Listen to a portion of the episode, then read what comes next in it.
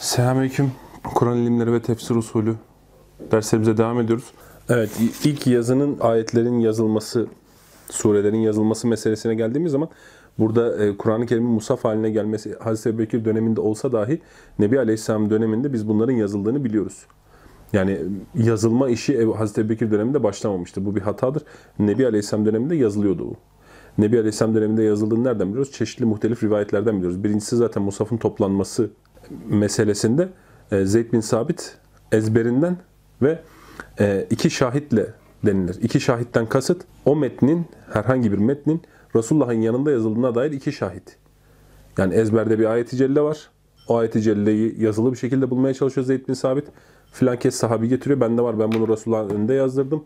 Ve iki tane şahit getiriyor. Evet doğru söylüyor. Orada yazıldı bu şeklinde. Birinci delil budur. Bu zaten çok açık bir delildir. Onun dışında Hazreti Ömer'in Müslüman olduğu dönemde biz biliyoruz ki Taha suresinden kısımlar okudu. Ve e, kız kardeşi o sure kısmını Hazreti Ömer'e vermek istemedi. Yazılı bir metindi. E, sen necissin, müşriksin o yüzden bunu eline alman caiz olmaz diye vermek istemedi. Biz burada da yazılı olduğunu görüyoruz ki bu İslam'ın 5. yılında olmuş bir olaydır. Kabul edilen görüşüne göre bunun üzerinden 18 yıl daha geçmiştir. Daha 5. yılda yazılı metinler vardı Nebi Aleyhisselam hayattayken. Gene başka bir rivayette biz düşman toprağına sefere çıktığımızda Kur'an nüshalarını taşımaktan nehyolunmuştuk. Yani yasaklanmıştık. Bunun sebebi o nüshaların düşman eline geçmesi korkusuydu. Yani elimizde nüshalar vardı. Bunları oraya götürmüyorduk. Bu rivayetten bu anlaşılır. Gene başka bir rivayette benden Kur'an'dan başka bir şey yazmayın. Nebi Aleyhisselam'ın sözü. Demek ki Kur'an yazılıyordu. Gene bu rivayetten anlaşılır. Batılı müsteşriklerden gene bununla ilgili hatalı bilgileri nakletmiş Cerrahoğlu Hoca. Şimdi bu kadar mesela sarih rivayetler varken demiş ki Jeffrey adında bir müsteşrik e, peygamber vefat ettiği zaman kavminin elinde Kur'an'ın yazılı olarak bulunmadığını zikretmektedir. Doğruluğunu da ispat etmek için şunu delil getiriyor. Hazreti Ebubekir'in hilafetinde Yemame muharebelerinde, Yemame savaşı esnasında birçok kurra şehit düşmekte. Bu durum karşısında Hazreti Ömer Kur'an'ın zayi olacağından korkmakta ve bu endişesini Ebubekir'e izhar etmektedir. Bu sahih bir rivayettir. Bizim elimizdeki de rivayet budur. Jeffrey bu, bu habere dayanarak eğer Kur'an peygamberin sağlığında yazılı olsaydı Hazreti Ömer'in böyle bir endişeye düşmesine lüzum olur muydu diye bir soru soruyor. Şimdi bu Kur'an'la ilgili çarpıtma yapmak isteyenlerin temel şeydir. Çok sarih ve açık rivayetler var mesela bizim elimizde yazıldığına dair. Direkt yazıldı diye. Ama burada manadan, maksat okumadan bilmem nereden detaylı detaylı detaylı şüphe ortaya çıkarmak için bir delil getirmiş. Oysa bunun cevabı çok basittir. Ee, Kur'an sadece yazılı musaf üzerinden okunan bir şey değildir. Onun kıraati vardır, ilmi vardır. Yazı zaten çok tekamül etmiş bir yazı değildir. O yüzden Kur'an'ın ölmesi bu endişeyi doğurur. Gayet normal bir şeydir. Evet demiş ki Cerrahoğlu Hoca. Asr-ı saadette nazil olan ayetleri ezberlemek, ibadetlerin en büyüğü Allah Teala'ya yakın olma vesilesi sayılırdı. Nebi Aleyhisselam demiştir ki bir kimsenin içinde Kur'an'dan bir şey olmazsa o kimse harap olmuş bir ev gibidir. Bu hadisi okumuştuk daha önce. Namazlarda okunması gerektiğinden, Kur'an'dan birkaç ayet ve birkaç sure ezberlenmiş olması lazım gelirdi. Burada şunu da söylemek gerekir.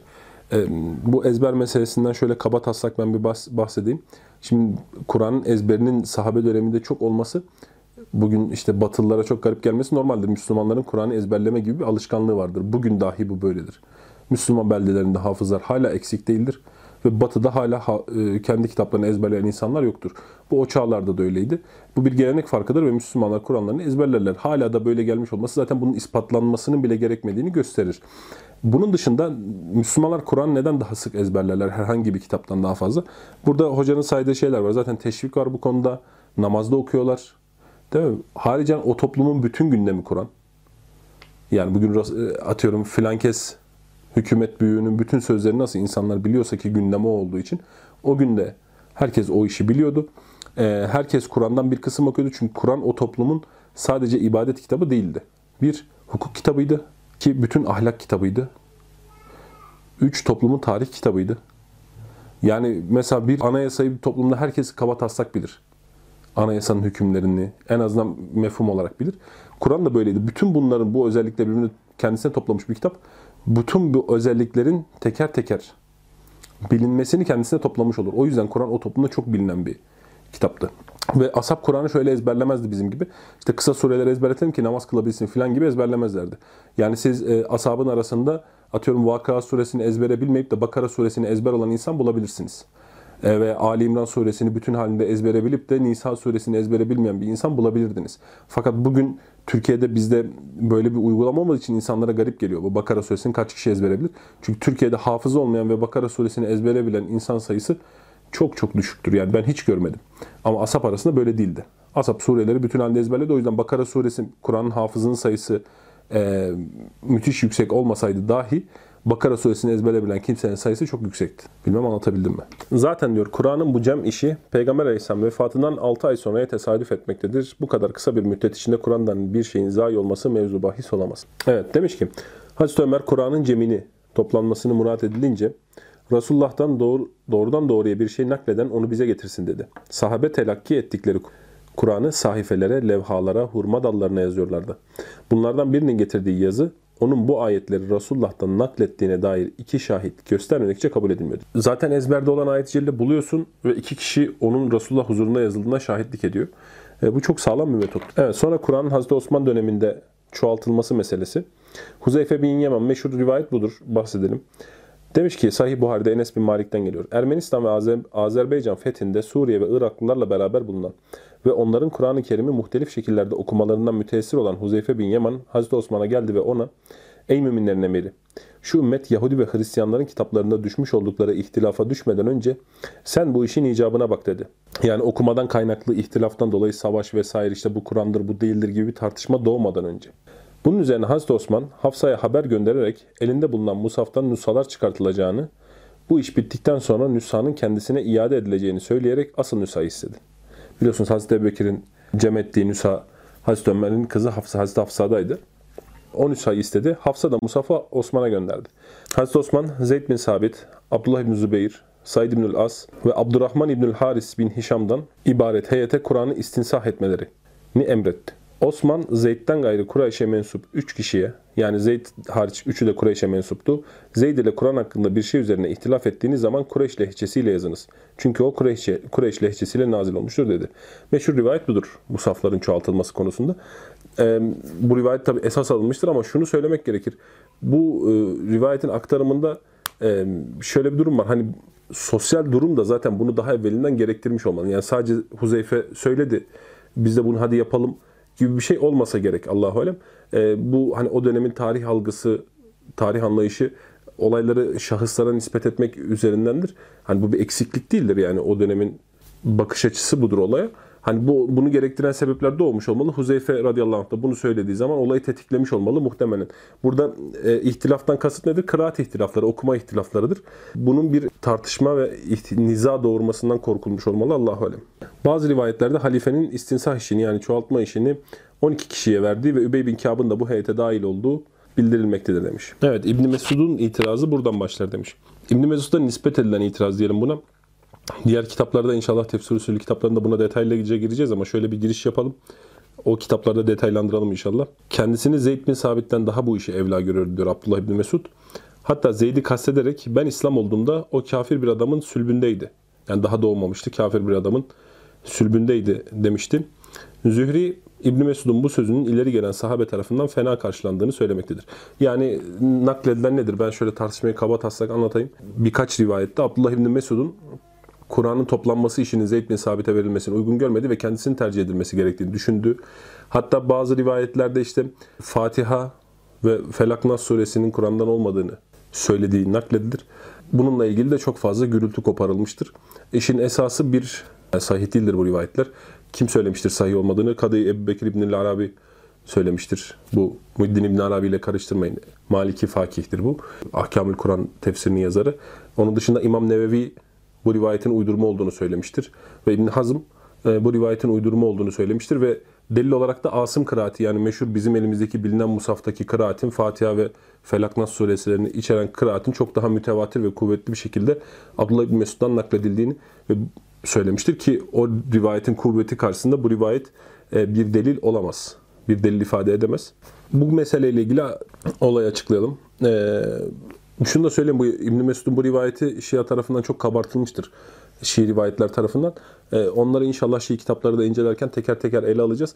Burada sadece bir giriş yapmış olalım ama bu, bilin ki bu önemli bir mesele değildir. Yani şeyde Kur'an hakkında şüphe oluşturacak bir mesele değildir.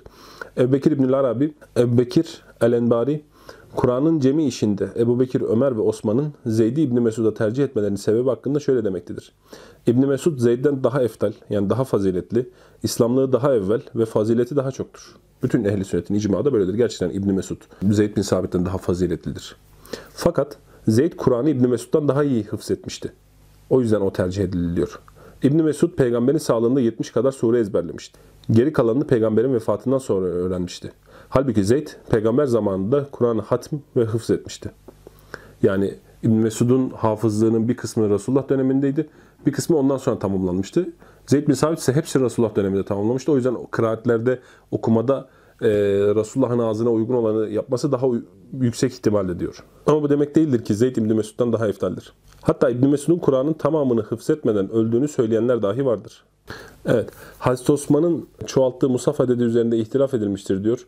4 denilmiştir diyor. Bakalım 7'ye kadar çıkmış. Nerelere gönderilmiş? Küfe, Basra, Şam, Mekke, Yemen ve Bahreyn. Ee, Bir tanesi de muhtemelen Medine'de kalmıştır. İbn Hacer 5 tane olduğunu söylemiş. Ee, Zerkeşi demiş ki en doğrusu evvelkisidir demiş. Ekseri hadisçiler 5 tane olduğunu söylemiş vesaire. Evet Kadı Bekir demiş ki gene bu Maliki Fakihi dediğimiz Ebu Bekir İbn Arabi. Hazreti Osman'ın Kur'an'ı cem işindeki yani toplama işindeki gayesi Ebu Bekir'inki gibi sadece iki kapak arasında cem etmek değildi. Yani yazı, zaten yazılı olanı birleştirmek değildi. Onun maksadı Hazreti Peygamber'den sabit olan kıraat üzere cem etmek ve ondan olmayanları ilga etmekti. Yani sahih olmayan kıraatlerin e, ortadan kaldırılmasıydı. Bu yüzden musafları toplatmış ve yaktırmıştır ve kendi cem ettiği musafı dağıtmıştır insanlara. Yine aynı eserde İbn Cerir'den yani Taberi'den naklen Osman ümmeti hidayet ve doğruluğa sevk etmek için Kur'an'ın bir harfle okunmasını temin etti ve diğer altı harfi terk etti. Bu harf hadisi e, Kur'an yedi harf üzere indirilmiştir. Hadisine atıftır. Hadisin manası üzerine uzun uzun duracağız inşallah. Netice olarak demiş hocam. Hazreti Osman gerek kendisinde bulundurduğu gerekse diğer şehirlere gönderdiği musaflara itiraz vaki olmamış. Derhal benimsenmiş. Kısa zaman içinde bunlardan istinsahlar yapılarak birçok Müslümanın elinde Kur'an nüshaları görünmeye başlamıştı. Ali ile Muaviye arasında vuku bulan Sıffin Savaşı'nda Amr İbnül As'ın işaretiyle 500 nüsha havaya kaldırılmıştı. Bu tarihi bir rivayettir. Yani bu Kur'an aramızda hakem olsun diye mızrakların ucuna takıyorlar ve 500 musaf aynı anda kaldırılmış. Bu ne kadar çok çoğaltıldığını gösterir ki bu sadece savaşan taraflardan bir tanesinin yaptığı bir hareket. Bu misal kısa zamanda Müslümanlar elinde musafların ne kadar çok çoğaldığını göstermektedir. Halbuki Osman'ın Musaf istinsahı ile Sıfin muharebesi arasında 7 sene gibi kısa bir zaman geçmişti. Yani 7 senede 500 Nusa sadece Muaviye'nin tarafındaki askerlerde vardı. Belki de daha fazlaydı. Sadece o kadarını taktılar kaldırdılar. Ayrıca burada daha önemli, bu rivayetin daha önemli kısmı nedir biliyor musunuz? Hazreti Osman Musaf'ı ile ilgili şüphe oluşturmak isteyen bir insan olursa bu onun aleyhine susturucu bir delildir. Çünkü Muaviye ordusu Musaf'a şey kaldırdığı zaman Ali'nin ordusundaki insanlar onu kabul ettiler ve hakem olayına mecbur bıraktılar zaten Hazreti Ali. Yani tarihi meseleyi uzun uzun anlatacağım ama daha sonra Allah izin verirse mezhepler tarihinde vesaire. Demediler ki mesela bu Musaf bozulmuştur. İki savaşan gruptan bir taraf kaldırdığı zaman diğer grup da itaat ettiğinde biz deriz ki tamam bunda bütün Müslümanların icma vardı. Savaşan insanlar bile aynı fikirdeyse bu açıdan çok güzel bir delil olur bu. Ve ahiru davana enilhamdülillahi rabbil alemin.